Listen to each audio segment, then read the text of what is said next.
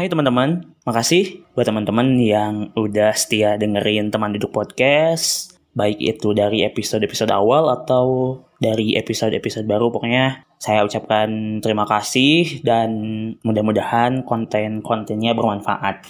Di kesempatan kali ini, saya akan upload rekaman dari... Jadi saya tuh tanggal 2 Mei lalu di Hari Pendidikan Nasional sempat sharing mengenai esai dari IBM Himpunan Mahasiswa Ilmu Pendidikan Agama Islam yang mana itu himpunan saya waktu dulu kuliah. Sebenarnya pembicaraan atau hal-hal yang berbau esai udah lumayan sering saya upload tapi sekarang uh, mudah-mudahan ada sesuatu hal yang baru. Rekamannya sebenarnya totalnya ada 1,2 jam gitu. Nah, tapi untuk materinya sendiri hanya sekitar 45 menit. Salahnya saya pas ngerekam itu saya pakai headset gitu kan ngerekamnya di HP cuman suara saya doang. Nah, pas bagian diskusi atau tanya jawab yang kerekam cuman jawaban dari saya aja gitu. Sementara pertanyaan atau interaksi saya dengan penanya waktu itu jadi gak ketangkap Nah, rencananya tadinya saya tuh mau bikin dua part gitu kan, yang materinya sama yang tanya jawab dipisah karena emang kepanjangan biar teman-teman gak bosan aja. Tapi nggak tahu ini memungkinkan atau enggak. Kalau misalnya memungkinkan, mungkin nanti saya uh, upload part selanjutnya. Kalau enggak, ini juga untuk materi mengenai mengenal esainya sebenarnya udah lumayan cukup dan saya tuh di sini ngejelasin dua tipikal esai dari mulai esai ilmiah dan esai populer. Esai ilmiah yang dimaksud lebih ke esai-esai yang diadakan oleh kayak lembaga-lembaga mahasiswa gitu di mana sebenarnya itu mirip-mirip dengan um, PKM GT atau mini PKM GT. Bukan, soalnya ada juga esai ilmiah itu yang uh, bentuknya beda lagi gitu dengan bentuk dari PKM GT yang solusinya itu menuntut harus dalam bentuk gagasan yang konkret dan bisa diimplementasikan. Mungkin itu aja pengantarnya. Selamat mendengarkan dan mudah-mudahan ada hal yang baru yang bisa teman-teman ambil dari episode teman duduk podcast kali ini. Buat teman-teman yang ngerasa konten-konten di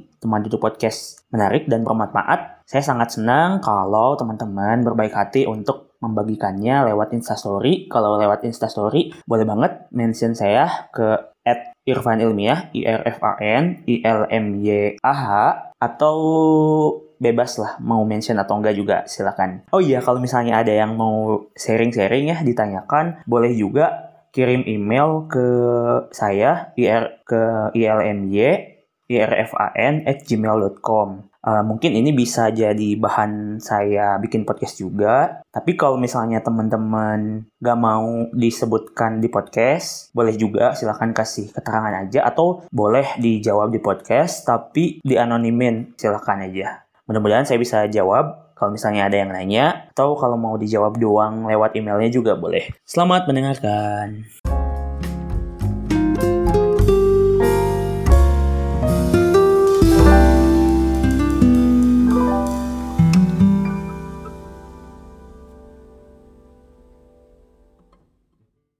banget pas diundang untuk sharing tentang esai karena terutama untuk di IPAI sendiri saya melihat banyak banget potensi adik-adik tingkat saya yang uh, yang potensial untuk bisa nulis esai tapi mungkin nggak diarahkan atau nggak menemukan orang yang bisa membimbing gitu uh, menjelaskan atau ngasih mentoring gitu uh, nulis esai itu kayak gimana dan sebagainya. Nah, sekarang saya dapat kesempatannya dan uh, ini juga sekolah literasi dibuka untuk umum ya. Alhamdulillah gitu. Jadi kemanfaatnya kemanfaatannya bisa lebih luas gitu. Nah, uh, untuk sekarang mungkin selama sekitar sejaman kurang lebih uh, saya akan berbagi sharing gitu. Jadi mungkin posisinya jangan sebagai pemateri lah, sebagai yang apa ya? yang sharing aja gitu. Uh, bagaimana pengalaman saya menulis menulis esai.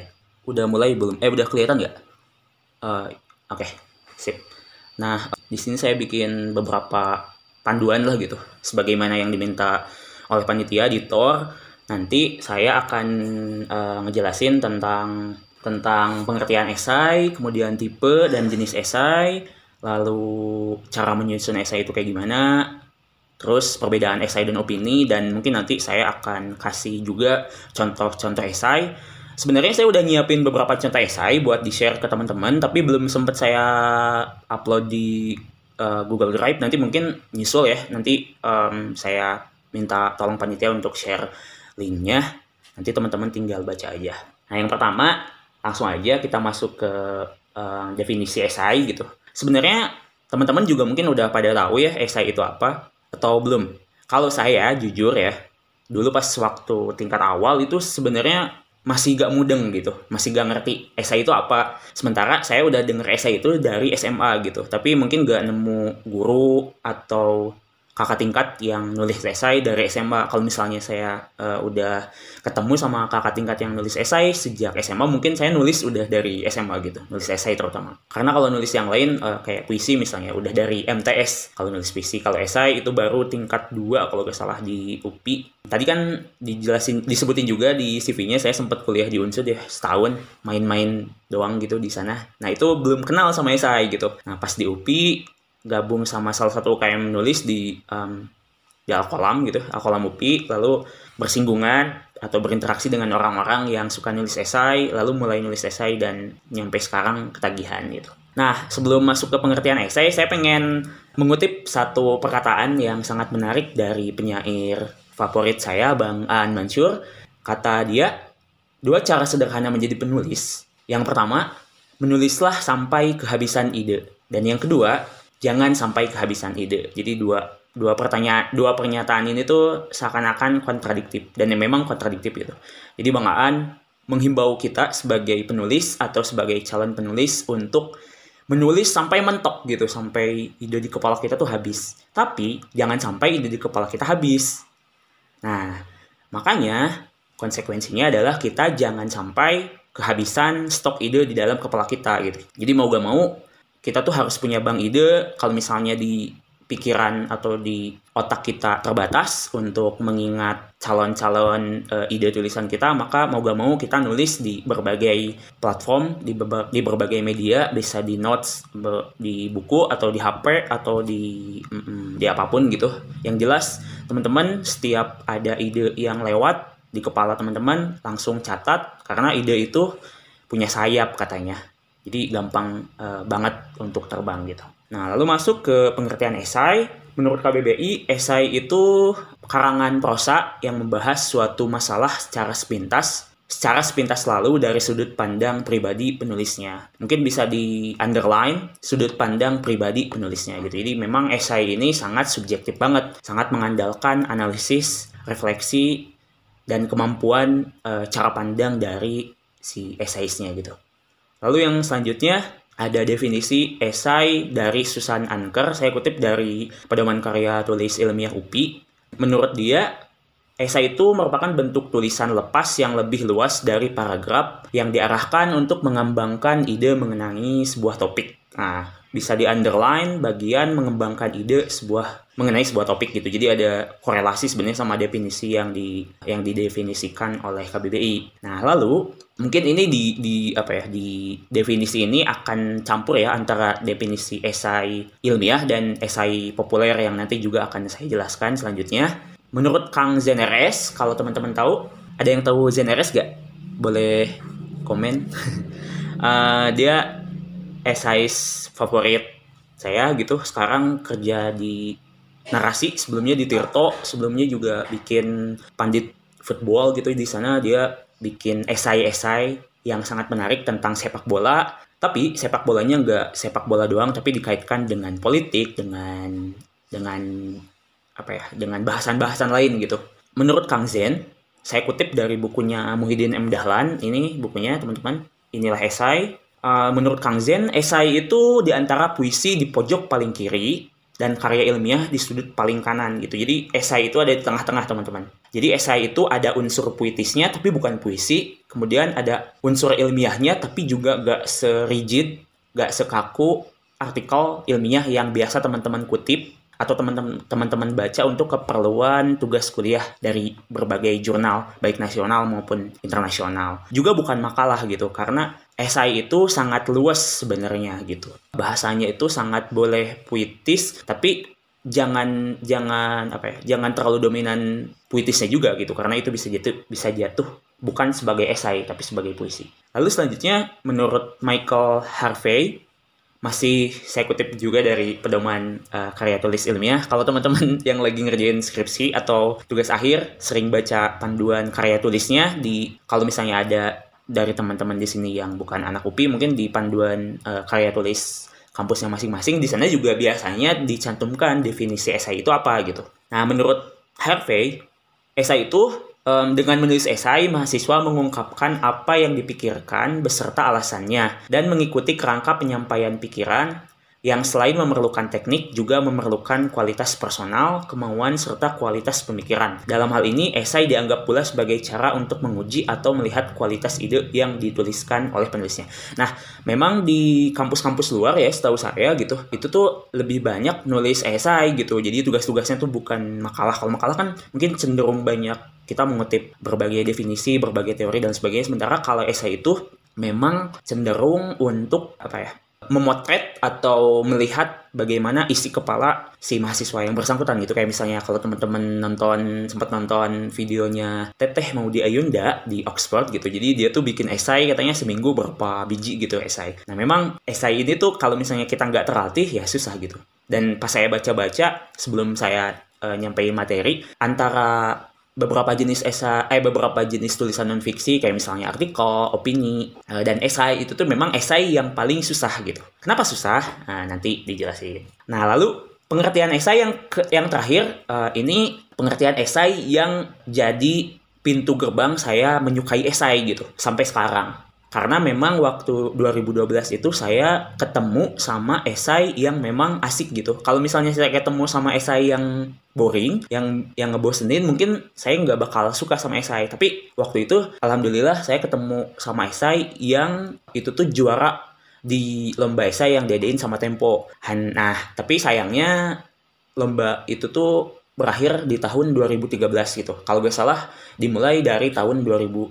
Jadi 9, 10, 11, 12, 13. 5 tahun itu tuh menghasilkan esais-esais muda dari kalangan mahasiswa teman-teman. Dari mulai tingkat 1 sampai tingkat akhir lah gitu. Nah menurut esai Tempo, dan ini tuh dicantumkan di, di panduannya gitu. Di panduan penulisan esai Temponya. Menurut panitia esai Tempo itu, esai merupakan sebuah karya tulis yang bersudut pandang personal subjektif si penulis, bukan paper ilmiah yang penuh dengan catatan kaki dan taburan kutipan teori. Esai berisi pemikiran yang dipadu dengan pengalaman, observasi lapangan, anekdot, dan pergolakan batin si penulis tentang subjek yang ditulisnya. Nah, jadi kalau misalnya teman-teman tadi ingat-ingat definisi yang saya sebutkan dari KBBI dan sampai yang barusan Tempo itu tuh kecenderungannya esai merupakan sebuah karya tulis yang ditulis dengan objek eh sorry dengan subjektif uh, dari penulisnya mengenai sebuah permasalahan yang diangkat.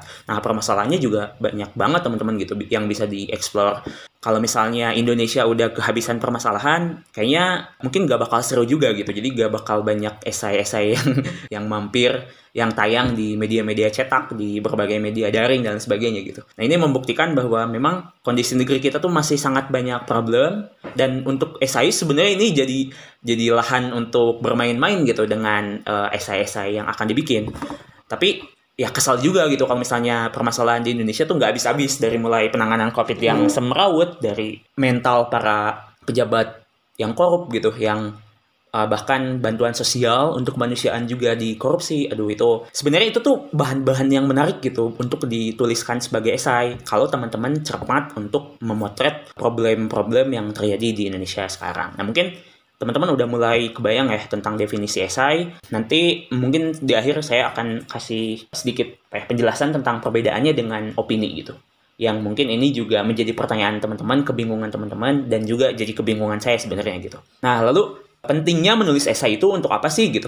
Masih dari panduan menulis UPI, menulis esai itu menjadi penting karena lewat kita menulis esai kita bisa mengeksplorasi area kajian dan dan menyampaikan penilaian atas sebuah isu. Jadi memang seorang esais itu atau ketika teman-teman belajar menulis esai maka teman-teman mau gak mau dilatih untuk bisa speak up gitu untuk memberikan komentar terhadap apa yang terjadi di sekeliling. Dan ini juga nggak mesti problem yang gede-gede banget gitu kayak nasional. Problem yang ada di sekitar kita kayak misalnya kondisi eh misalnya kalau anak-anak IPAI misalnya ngomentarin tentang pergaulan bebas di kalangan mahasiswa di sekitar kos-kosan atau kepedulian masyarakat terhadap sampah yang kurang. Nah, itu tuh sebenarnya bisa jadi bahan esai. Lalu kita di apa ya, ketika menulis esai di dimungkinkan untuk bisa bersuara dan dengan suara yang utuh gitu lewat lewat sebuah bangunan tulisan yang menyeluruh dari mulai pendahuluan sampai kesimpulannya kayak gimana.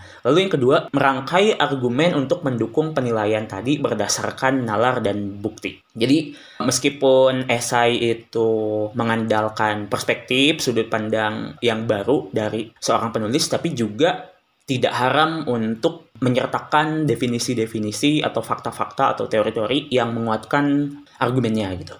Nah, lalu yang ketiga ya jelas pentingnya menulis esai atau manfaat menulis esai ya teman-teman diharapkan akan bisa menghasilkan esai yang menarik dan terstruktur dan strukturnya memang koheren gitu sesuai dengan bagaimana sebenarnya struktur esai berdasarkan teori atau berdasarkan kalau misalnya teman-teman memaksudkan atau orientasi teman-teman menulis esai itu untuk mengikuti lomba, nah berarti esainya itu sesuai dengan apa yang diharapkan oleh penyelenggara lomba. Lalu selanjutnya juga ini mungkin bisa dibaca ya, nanti saya akan share materi ini. Saya gak akan bacakan keseluruhan dari beberapa poin manfaat menulis esai. Nah yang terpenting intinya lewat menulis esai juga kita bisa eh esai itu bisa menjadi penjambatan antara pendapat satu dengan pendapat lain yang terjadi di masyarakat. Kan kita tahu misalnya di di sebuah negara di Indonesia katakanlah gitu, itu tuh banyak orang yang berpendapat mengenai sebuah isu, baik itu seorang ahli,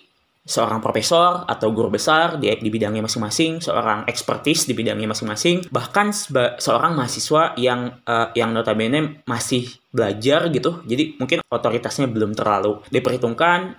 Bahkan sampai setingkat anak-anak pelajar juga anak SD SMP itu tuh bisa menulis esai. Dan itu tuh kayak menjadi penjembatan lah antara satu pendapat dengan pendapat yang lainnya gitu. Jadi sebelum menulis esai kan kita mau gak mau menstudi dulu kan meriset dulu uh, esai-esai yang udah ada sebelumnya kayak gimana. Nah kalau bisa memang esai itu nggak mengulang apa yang udah dinyatakan oleh oleh esai lain gitu. Akan tetapi datang kita datang dengan sebuah judul esai yang itu tuh baru gitu. Nah kebaruan perspektif yang ditawarkan oleh sebuah sebuah esai itu nah itu itu yang menentukan kualitas dari sebuah esai gitu. Jadi esai ini penting dan tidak penting itu ditentukan oleh perspektif yang baru itu gitu. Kalau misalnya perspektifnya ya biasa-biasa aja, ya berarti esainya mungkin bisa dikatakan nggak berhasil gitu. Akan tetapi ya balik lagi ke definisi esai yang saya ingat dari pengertian awalnya itu, jadi memang esai itu coba-coba gitu. Jadi percobaan kita tuh untuk bisa menawarkan perspektif ke orang, apakah orang setuju atau enggak itu enggak, itu masalah lain gitu. Itu itu belakangan. Tapi yang terpenting adalah kita ada kita sudah memberikan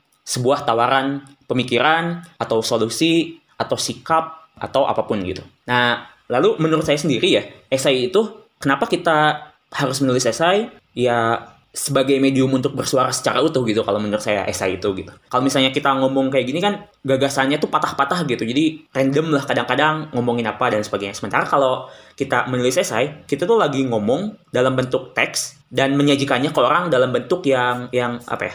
Yang yang kayak gitu gitu. Jadi dari mulai kenapa kita nulis esai ini, apa yang menjadi keresahan kita, kenapa akhirnya kita mengangkat tema ini, kemudian bagaimana apa ya kayak pandangan kita terhadap problem ini dan sikap kita tuh kayak gimana gitu. Nah, esai itu memungkinkan untuk kayak gitu teman-teman. Kemudian yang yang kedua melatih kemampuan penalaran kita gitu. Jadi berpikir kita menyelesaikan sebuah permasalahan, kemudian menawarkan sebuah gagasan atau solusi terhadap problem yang diangkat. Nah, itu tuh di esai kita dilatih untuk itu gitu. Nah, makanya saya tuh selalu ngomongin ini di belakang gitu sama teman-teman sama teman-teman seangkatan saya atau teman-teman yang lain. Saya tuh suka menyayangkan gitu kenapa para aktivis sekarang uh, katakanlah misalnya Presma atau Kahim, Kabid Soswal atau Kastrat gitu, kajian aksi yang uh, yang yang suka demo dan sebagainya. Akhir-akhir ini tuh atau ke sini ke sini tuh mereka makin jarang untuk bersuara lewat sebuah esai gitu, lewat lewat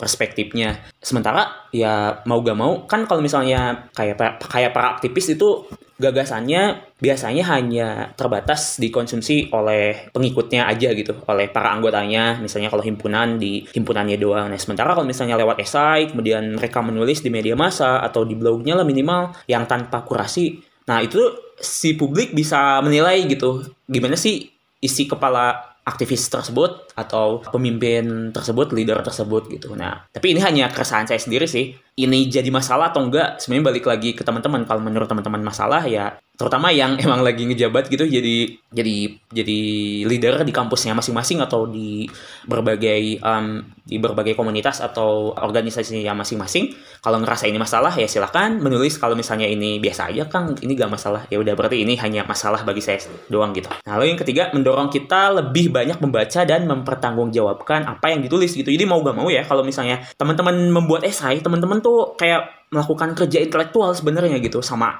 uh, sama aja dengan teman-teman ya emang emang mahasiswa itu kan ya mungkin di sini para pesertanya mayoritas mahasiswa ya. Mahasiswa mau gak mau harus dekat dengan tradisi tulis menulis gitu. Dengan dengan tradisi membaca, kemudian menulis, kemudian menyampaikan apa yang ditulisnya ke halayak lewat misalnya presentasi atau diskusi atau FGD dan lain sebagainya. Nah, esai ini tuh memungkinkan untuk itu gitu karena sebelum kita menulis esai kan mau mau gak mau kita mengobservasi gitu minimal apa yang terjadi di lingkungan kita, apa yang menjadi problem atau misalnya kita riset lewat studi literatur misalnya baca buku atau baca baca apa pun lah gitu di perpustakaan, baca artikel, baca majalah ikutan simposium dan lain sebagainya. Nah, di sana kita kan dapat masalah ya. Nah, masalah ini menjadi bahan, menjadi poin yang sangat penting untuk kita menulis esai.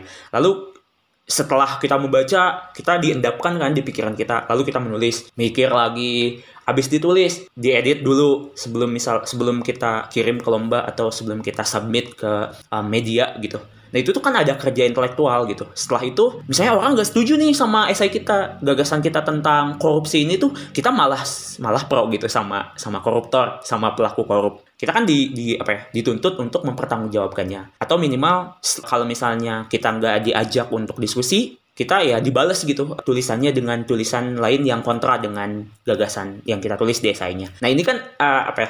Menurut saya gitu sangat asik banget dilakukan oleh mahasiswa. Nah ketika uh, kita melewatkan masa-masa S1 ya terutama masa-masa yang cocok banget gitu momentum yang paling pas banget menurut saya untuk kita tuh kayak bertukar pikiran lewat baik itu lewat teks ataupun lewat lewat lisan gitu. Lalu yang terakhir menurut saya juga itu tuh menulis esai ya kita sebenarnya secara gak sadar mengikuti jejak para intelektual, tokoh bangsa, budayawan dan orang-orang yang berpengaruh gitu yang yang kontribusinya terhadap negeri ini tuh banyak banget gitu. Kayak misalnya Gus Dur kalau teman-teman pernah baca esainya Gus Dur wah itu asik banget gitu. Saya juga belum baca banyak gitu hanya baca beberapa lah. Ada uh, kayak ngefollow akun tertentu di Twitter gitu. Kemudian ada ada salah satu tulisan Gus Dur di media dan itu tuh asik banget itu Gus Dur menawarkan perspektif yang menarik tentang persoalan tertentu. Kemudian juga Hatta juga nulis esai. Nah, kalau teman-teman baca buku ini ya, saya tuh rekomendasiin banget teman-teman baca buku atau beli lah ya, inilah esai itu 50 ribu, cari di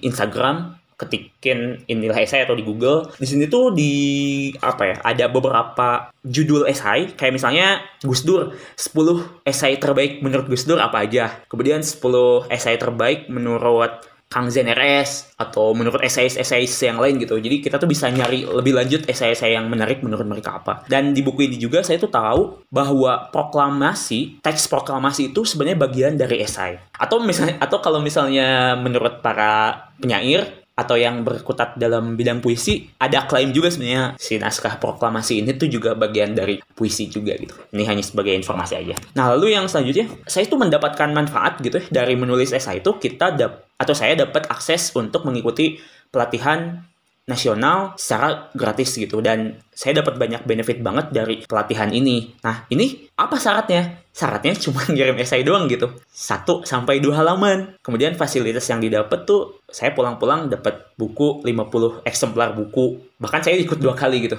Kemudian dapat fasilitas service yang full selama tiga hari gitu dan lain sebagainya. Nah ini saya juga dapat akses untuk ikutan workshop menulis esai dari Kureta, di mana saya itu ketemu sama Kang Zeneres yang saya tadi kutip uh, pendapatnya gitu uh, tentang esai. Alhamdulillah gitu, jadi beliau esai esai favorit saya juga.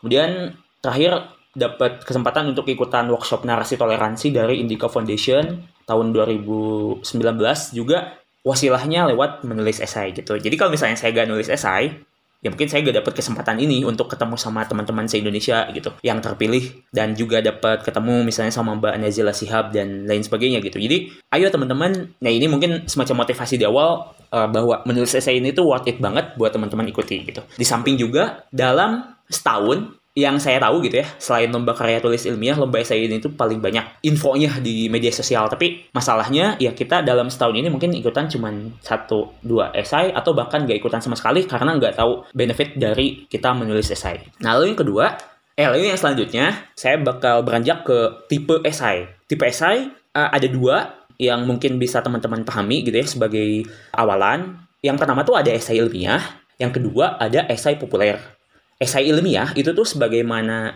sebagaimana judulnya ilmiah ya berarti kata-katanya juga juga harus baku harus ilmiah harus memenuhi kaidah ilmiah dan dan lain sebagainya. Mungkin teman-teman yang sering nulis makalah ya kurang lebih kayak gitulah kalau esai ilmiah. Kemudian esai populer, nah esai populer sebagaimana namanya juga ini tuh cenderung menggunakan bahasa yang lentur atau bahasa yang lebih bisa dimaknai atau bisa dipahami oleh seluruh kalangan gitu. Kalau misalnya esai ilmiah mungkin segmentasinya untuk kalangan-kalangan akademisi, kalangan-kalangan intelektual, mahasiswa, pelajar, para ahli dan sebagainya. Sementara kalau populer ini tuh ya mungkin kita bisa sangat sering menemukannya di media massa atau di media daring. Itu kan cenderung bahasanya tuh lebih lebih lentur, lebih fleksibel, tapi tidak kehilangan ketajaman analisis dan perspektif sebagaimana ciri dari esai. Nah, kalau teman-teman mau ikutan lomba, nah teman-teman harus lihat dulu panduannya yang diminta oleh penyelenggara itu tipikal esai yang ilmiah atau tipikal esai yang populer. Karena kalau misalnya yang diminta yang diminta itu esai populer, contohnya ya, contohnya esai yang tempo lah ya. Yang tempo itu tuh kan emang bukan bukan kumpulan dari teori, pendapat dan sebagainya, akan tetapi lebih ke refleksi. Nah, berarti teman-teman jangan jangan, menulis esai yang tipikalnya ilmiah gitu. Begitupun sebaliknya. Nah, ini sebagai contoh aja ya teman-teman untuk kita gampang untuk mengidentifikasi Kang ini lomba yang tipikalnya ilmiah atau gimana gitu. Nah, ini sebagai contoh aja ada lomba akhir 2020 dari pesantren Tebuireng di Jombang, Jawa Timur. Ini tuh temanya mencintai Rasul dan menyikapi penghinaan kepada Nabi. Nah, yang saya tahu gitu untuk memudahkan teman-teman juga kalau misalnya temanya membahas mengenai tokoh, membahas misalnya tem tokohnya tentang Gus Dur, biasanya tuh sering hampir tiap tahun teman-teman ada lomba esai tentang Gus Dur, kemudian tentang Nabi Muhammad, tentang Ramadan, tentang Kartini. Nah, itu biasanya lebih ke arah-arah esai yang tipikalnya populer yang itu tuh bisa sangat sering kita jumpai di media-media online kayak misalnya islami.co, detik news, kemudian um, basabasi.co, sediksi.com dan banyak lagi media daring yang lainnya. Nah, itu biasanya esai-esainya tipikal yang populer. Kemudian ciri selanjutnya adalah biasanya tidak ada keharusan untuk presentasi, jadi cuma ngirimin esai doang. Tapi ini bukan ciri yang saklek juga gitu. Kadang ada juga lomba esai populer yang mengharuskan untuk tetap presentasi. Kemudian yang selanjutnya jarang ada pilihan subtema. Kan tadi tema besarnya adalah mencintai Rasul dan menyikapi penghinaan kepada Nabi. Udah aja plok gitu jadi gak ada pilihan lain. Tapi ini juga lagi-lagi gak saklek juga gitu. Ada juga lomba esai populer yang ada pilihan subtemanya juga. Nah lalu esai ilmiah kayak gimana Kang? Kalau esai ilmiah biasanya ya teman-teman, yang pertama di itu tuh diselenggarakan sama lembaga mahasiswa kayak misalnya BEM atau UKM penalaran di kampusnya masing-masing atau yang sejenisnya kurang lebih kayak gitu. Nah lalu biasanya kita tuh bisa ngelihat dari temanya. Temanya itu biasanya mengenai visi besar tertentu yang ingin dicapai. Contohnya SDGs, Sustainable Development Goals, kemudian Indonesia Emas 2045, Revolusi Industri 4.0, dan yang semacamnya. Contohnya kayak misalnya uh, ini nih. Ini juga sebenarnya hanya hanya dugaan saya aja gitu. Belum tentu eh ini tuh esai ilmiah. Co uh, apa temanya pemuda Indonesia dalam perubahan iklim dan pembangunan berkelanjutan. Pembangunan berkelanjutan kan sustainable juga gitu sustainable development goals juga. Jadi ada kaitannya dengan SDGs kemudian tuh ada ada apa sih ada pilihan subtema nih. Ada pendidikan ekonomi ada kesehatan, sains dan teknologi, sosial dan lingkungan. Nah, ini kan masuk ke beberapa poin dari SDGs juga ya. Nah, kemudian biasanya diikuti dengan presentasi, biasanya diikuti dengan presentasi karya esainya gitu. Misalnya diambil 10 besar dari sekian pendaftar yang ada, lalu dipresentasikan, lalu diambil tiga juara atau lima juara ditambah juara harapan satu sama dua. Nah biasanya esai yang uh, tipikal lomba kayak gini tuh esainya ilmiah jadi kita tuh nggak nggak bisa pakai kata saya misalnya e, kalau mau penulis atau peneliti atau penulis lah penulis nah biasanya kayak gitu kemudian solusi yang diharapkan dari lomba ini tuh harus aplikatif. Contohnya apa ya? Contohnya aplikasi tertentu untuk mengatasi kasus bullying, bullying gitu. Nah, ciri berikutnya dari lomba esai ilmiah yang tipikal kayak gini tuh biasanya yang diminta adalah mirip-mirip sama PKM gagasan tertulis kalau teman-teman sering baca atau sering ikutan PKM GT nah kurang lebih kayak gitu gitu. Jadi solusinya tuh harus di harus bisa diimplementasikan dan juga melibatkan beberapa stakeholder yang ada gitu. Kalau misalnya tadi esai yang populer biasanya solusinya itu boleh, solusinya misalnya berupa untuk menyiasati kekurangan akses terhadap perpustakaan di sebuah daerah itu tuh guru bisa memaksimalkan IPUSNAS misalnya. Ini idenya Kang Restu Nur Wahyudin, alumni pendidikan bahasa Indonesia UPI, salah satu guru saya nulis juga. Nah, beliau nulis di forum guru pikiran rakyat itu tuh kayak menulis tentang gagasan mengenai IPUSNAS sebagai media literasi. Nah, itu tuh boleh kayak gitu.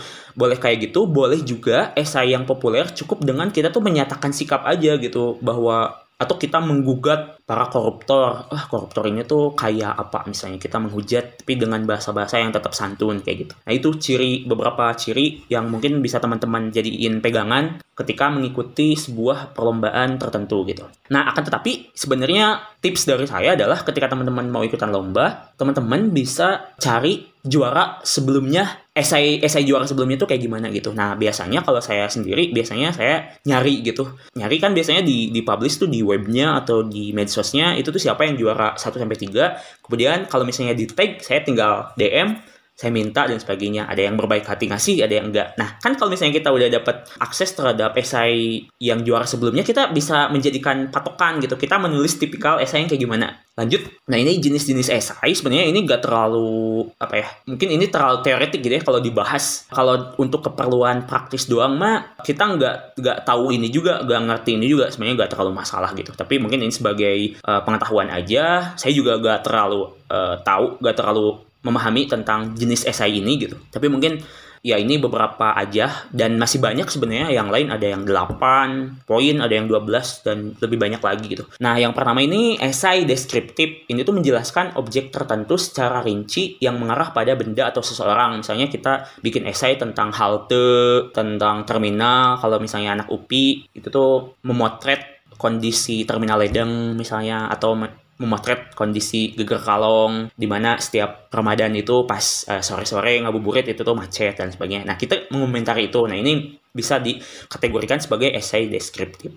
Kemudian yang kedua, esai cukilan watak. Nah, ini tuh lebih ke kayak kita membahas seseorang, baik itu personalnya atau watak seseorang secara sepintas doang gitu. Misalnya kita membahas tentang Gus Dur atau membahas tentang Ahmad Wahib, tokoh HMI, um, membahas tentang Pak Jokowi dan tokoh-tokoh yang lain gitu. Kemudian yang selanjutnya esai tajuk. Nah, esai tajuk ini atau kita juga bisa pahami sebagai tajuk rencana. Kalau teman-teman sering baca koran, ada yang sering baca koran nggak? Nah, itu di kalau di pikiran rakyat itu tuh di di halaman opini ada rubrik opini, ada rubrik tajuk rencana, kemudian yang di bawah ada surat membaca. Nah, untuk tajuk rencana itu sebenarnya mirip-mirip dengan opini akan tetapi khusus ditulis oleh media massa tertentu. Jadi itu tuh menunjukkan sikap media massa itu terhadap isu atau tren yang sedang uh, hangat diperbincangkan atau isu-isu faktual kayak gitu. Lalu esai pribadi, nah esai pribadi ini mirip dengan cukilan watak tapi ditulis oleh penulisnya sendiri gitu. Jadi mungkin esai autobiografis gitulah kurang lebih. Lalu yang selanjutnya esai refleksi. Nah ini berisi tanggapan tentang situasi politik atau perilaku pemerintah serta hal-hal yang berkaitan dengan dengan tema-tema politik inilah kayak gitu. Lalu yang terakhir esai kritik. Nah kalau esai kritik ini tuh kayak tanggapan atau analisis terhadap sebuah karya tertentu. Biasanya kalau yang sering saya baca itu tuh esai sastra gitu ya, esai kritik tentang tentang puisi atau tentang cerpen dan lain sebagainya atau misalnya esai tentang kritik karya seni lain kayak patung, musik dan lain sebagainya. Uh, saya percepat, tinggal 15 menit lagi. Cara menyusun esai ya teman-teman. Nah ini mungkin uh, lebih pembahasan cara menyusun esai yang tipikal ilmiah gitu. Tapi esai populer juga sebenarnya uh, secara garis besar strukturnya kayak gini ya teman-teman. Ada judul, kemudian ada pendahuluan atau lead, ada isi, dan ada penutup. Ini tuh hampir di semua jenis tulisan kayak gini. Di makalah kayak gini, di karya tulis, di karya tulis tingkat akhir juga kayak gini, di artikel jurnal kayak gini, uh, di opini dan lain sebagainya juga kurang lebih kayak gini. Nah, tapi untuk konteks karya esai ilmiah yang lombanya menuntut gagasan yang yang kontributif dan aplikatif kayak gini ya. Nih contohnya. Nah, ini untuk pendahuluan berisi latar belakang atau situasi terkini terkait topik. Ya, contohnya intoleransi. Intoleransi nah berarti kondisinya tuh kayak gini eh, sekarang tuh kayak gimana gitu? Ini bisa bisa kita cantumkan atau kita ngutip tentang rilis beberapa lembaga survei yang berkaitan dengan survei mengenai intoleransi atau perkataan toko dan sebagainya lah intinya. Atau misalnya tentang konstitusi juga bisa konstitusi pasal-pasal yang berkaitan dengan hal ini dan lain sebagainya. Kemudian juga bisa dicantumkan mengenai alasan mengapa topik yang diangkat ini tuh jadi penting gitu. Kenapa intoleransi diangkat? Karena memang e, kalau kita nggak memperhatikan kasus intoleransi maka ya bahkan kita uh, apa ya maka akan rentan terjadi di disintegrasi antar bangsa. Di mana Indonesia ini kan kita tahu uh, bineka gitu ya berbineka beragam suku bangsa kemudian agama dan sebagainya. Kalau misalnya kita menoleransi intoleransi maka kita ya sedang menjadi bagian dari orang-orang yang yang membuat perpecahan di negara kita gitu. Kemudian perkenalan topik melalui pernyataan tesis. Jadi tesis ini tuh pernyataan utama lah gitu yang menjadi awal yang menjadi induk dari penjelasan atau poin-poin yang akan kita bahas di bagian isi nanti. Lalu di di bagian isi, nah ini tuh pengembangan topik yang disampaikan pada pernyataan tesis gitu. Jadi uh, untuk pendahuluan mungkin teman-teman bisa karena karena esai ini tuh terbatas ya, berapa ya kata ya? Ya misalnya kalau misalnya dalam A4 itu tuh maksimal 8 halaman. Beda kayak misalnya karya tulis ilmiah yang bisa nyampe 15 halaman, 18 18 halaman, 20 halaman itu tuh kan kayak wilayah eksplorasinya lebih luas banget ya. Sementara esai itu kita dituntut untuk lebih ringkas aja gitu, tapi to the point sama apa yang mau kita bahas. Jadi jangan terlalu banyak di bagian pendahuluan, justru yang harus banyak tuh di bagian isinya gitu. Nah, selanjutnya dikemas dalam pikiran utama dan pikiran penunjang sesuai yang dikembangkan. Nah, di bagian di bagian isi ini nanti deh di di slide selanjutnya akan dijelasin. Ini hanya kayak outline-nya doang gitu, gambaran doang mengenai struktur esai. Di bagian penutup ini tuh penguatan atau penekanan kembali topik yang disampaikan pada tesis. Jadi sebisa mungkin sih teman-teman nggak membuat pertanyaan baru yang bikin esainya gak beres-beres gitu, tapi teman-teman ya mengulang apa yang udah dijelasin aja di bagian uh, atau jawaban dari pendahuluan gitu. Kalau misalnya di pendahuluan ada semacam pertanyaan gitu. Lalu bisa juga diisi dengan ringkasan isi topik yang telah dibahas. Ini untuk lebih memudahkan teman-teman bisa menulis dulu atau bikin outline gitu. Bikin outline bisa berupa poin-poin di kertas atau di notes HP atau bisa juga dalam bentuk mind map gitu. Misalnya korupsi. Korupsi itu apa aja nih sebelum nulis ya? Korupsi dampaknya kemudian penyebabnya apa, kondisi korupsi kayak gimana dan sebagainya. Nah, ketika teman-teman udah bikin outline itu tuh biasanya mempermudah nanti teman-teman dalam proses penulisan. Jadi pas penulisan tuh nggak terjebak dalam writer's block gitu. Nah, meskipun ini tuh sebenarnya ini tuh mungkin secara teori idealnya kayak gini gitu, tapi banyak juga kok esais-esais yang jebret aja langsung nulis gitu, teret, beres. Kayak Gus Dur ya, kalau teman-teman baca ceritanya, saya baca di mana ya lupa lagi. Pokoknya tuh dia tuh datang ke tempo gitu nulis pakai color doang nulis teret beres.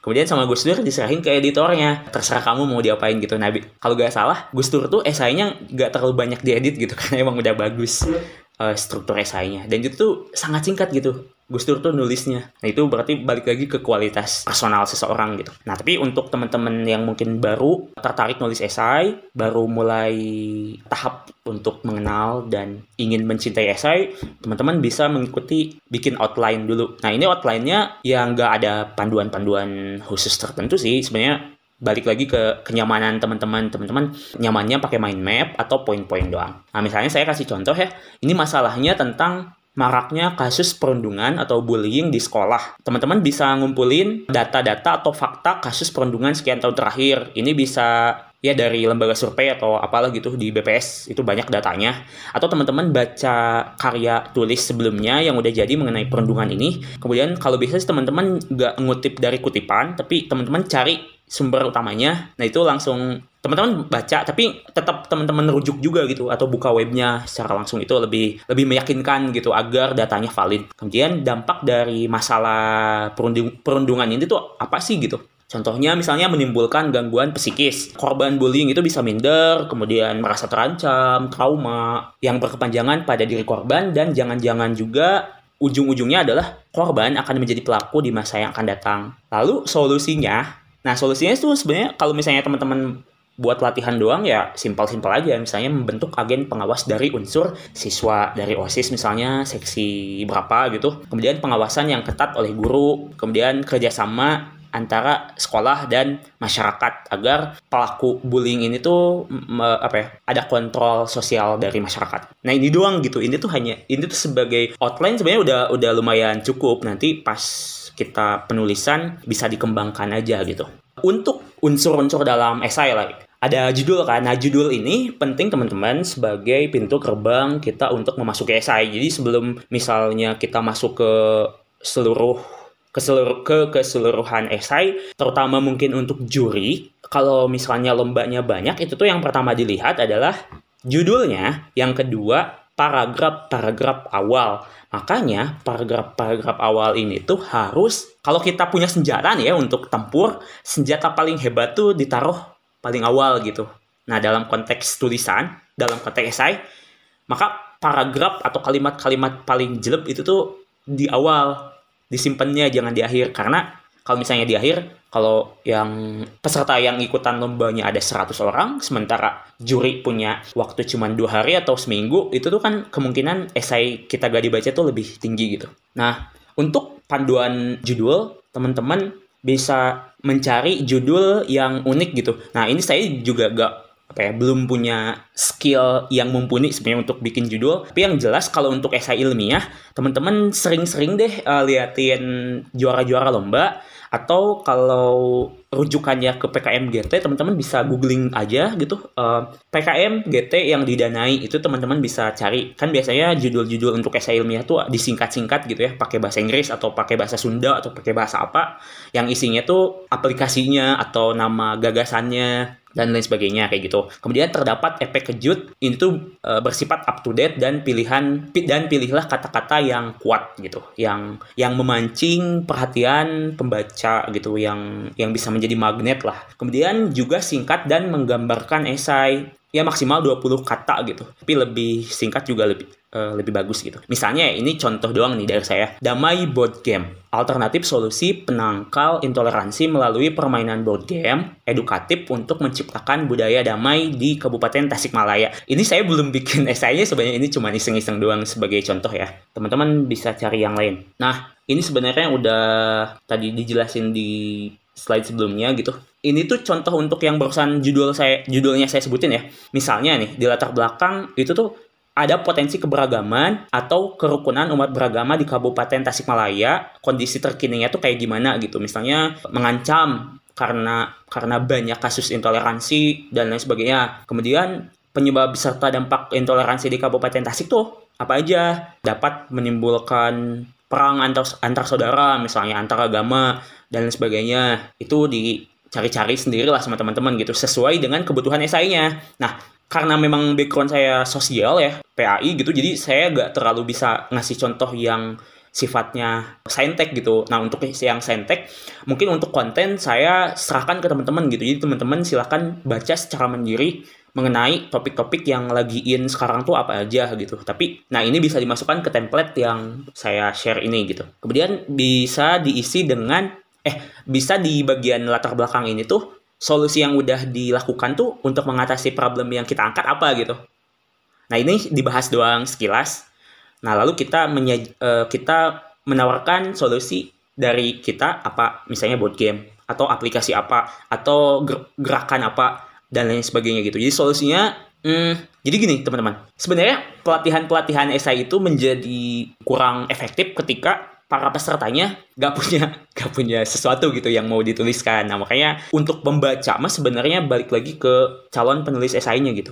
Dan bahkan saya tuh baca di tweetnya Mas Hairul Salim gitu. Sebenarnya sebelum kita pelatihan menulis, bagusnya itu sebenarnya pelatihan membaca gitu. Dan pelatihan membaca itu sangat kurang banget gitu. Jadi membaca menjadi sangat penting.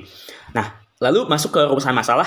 Kalau rumusan masalah, Nah ini tuh sebenarnya boleh ada, boleh enggak gitu, sesuai dengan panduan yang ada di esainya. Kalau misalnya diharuskan, berarti ya, ya udah kita tulis aja. Kalau misalnya enggak, ya udah enggak juga, enggak apa-apa gitu. Nah lalu untuk gagasannya, ini di bagian isi ya teman-teman bisa teman-teman mencantumkan ini di bagian isinya. Ada kondisi terkini mengenai problem yang kita angkat. Ini tuh berarti penjabaran yang lebih panjang dari kondisi terkini yang udah kita cantumkan di awal kan di bagian pendahuluan. Nah, ini lebih panjang. Kita bisa bisa sertakan juga observasi-observasi, kemudian hasil diskusi, wawancara dan lain sebagainya. Kemudian inti gagasannya itu adalah board game board game board game damai tadi tuh bagaimana sih cara kerjanya gitu uh, misalnya board game ini tuh dibuat oleh saya sendiri misalnya bersama teman-teman lah misalnya satu tim dijelaskan proses pembuatannya gimana kemudian gimana caranya si board game ini bisa menyelesaikan problem yang kita bahas gitu. Nah ini di bagian langkah strategis dijelasin tuh dibikin bagan-bagan lang apa ya kayak kayak bagan-bagan langkah-langkah uh, secara sistematisnya kayak gimana dari gagasan board game tadi. Kemudian solusi terdahulu, oh sorry, ini tuh harusnya ke sini dulu nih. Ke solusi terdahulu dulu. Kondisi terkini solusi terdahulu inti gagasan pihak yang terlibat dan langkah strategis. Nah untuk pihak yang terlibat ini tuh stakeholder lah gitu. Kayak misalnya pemerintah Kabupaten Tasikmalaya terlibat dalam gagasan kita tuh sebagai apa misalnya sebagai pemberi dana atau sebagai uh, yang memberikan regulasi atau yang memberikan ruang-ruang untuk kita mengimplementasikan gagasannya misalnya atau juga bisa pemberi dana ya ini menjadi penting posisinya sebagai yang memperlancar gagasan si board game tadi bisa terimplementasi dengan baik. Nah ini saya mengutip dari presentasinya Mas Riko Artanto dari Pondok Inspirasi. Teman-teman untuk penjelasan lebih lanjutnya bisa buka di YouTube cari aja uh, pelatihan esai Pondok Inspirasi. Itu lebih detail banget gitu tentang bagaimana harusnya solusi yang kita tawarkan itu tuh gak cuma solusinya doang akan tetapi itu ba bagaimana bagusnya menyentuh ke bidang-bidang yang lain. Misalnya kan solusi kita tuh lebih ke permainan edukatif gitu ya. Itu kan lebih masuk ke segi pendidikan. Nah, gimana caranya si solusi kita juga itu tuh bisa menyelesaikan atau analisis terhadap aspek sosialnya kayak gimana, terhadap lingkungannya kayak gimana, terhadap ekonominya kayak gimana, itu lebih bagus lagi gitu. Jadi satu solusi kita tuh menyelesaikan banyak banget problem di masyarakat ini bisa teman-teman baca ya tadi ya. Eh nanti di di nanti panitia mungkin akan share materinya karena udah 10 15 nih. Gimana uh, moderator? Udah cukup atau gimana? ada tanya jawab ya. Hmm, Oke, okay. mungkin untuk penjelasannya dicukupkan sekian. Sebenarnya masih ada beberapa lagi termasuk mungkin satu lagi nih perbedaan opini sama esai aja ya. Untuk esai dan opini sebenarnya agak tipis-tipis banget apa perbedaan dan persamaannya. Untuk persamaannya esai dan opini sama-sama opini gitu, sama-sama pendapat kita, sama-sama subjektif dari penulisnya. Dan definisi secara etimologi opini itu sendiri adalah pendapat gitu atau pemikiran seseorang. Nah, tapi mungkin saya akan kasih kayak semacam pan, uh, semacam tips aja gitu untuk membedakan antara esai sama opini. Untuk esai yang ditekankan adalah reflektif analitis. Jadi esai mengajak pembaca untuk merenung terhadap topik yang disajikan oleh penulisnya gitu. Jadi lebih ke subjektifnya tuh dominan banget gitu. Sementara kalau opini, opini itu reaktif. Nah, kalau misalnya teman-teman baca opini di pikiran rakyat itu tuh biasanya isinya itu membahas tentang kondisi yang lagi in misalnya sekarang lagi eh sekarang lagi hardiknas nih berarti itu tuh biasanya berangkat dari teori hard, hardiness kayak gimana misalnya sejarahnya dan sebagainya. Kemudian kita menyatakan pendapat ahli data-data dan lain sebagainya. Nah biasanya kayak gitu. Sementara kalau esai mah gak terlalu gak terlalu mengikuti isu yang lagi berkembang juga gak masalah gitu. Tapi lebih mengedepankan ke pendapat si esaisnya kemudian yang kedua dari opini itu biasanya berbasis data. Sementara kalau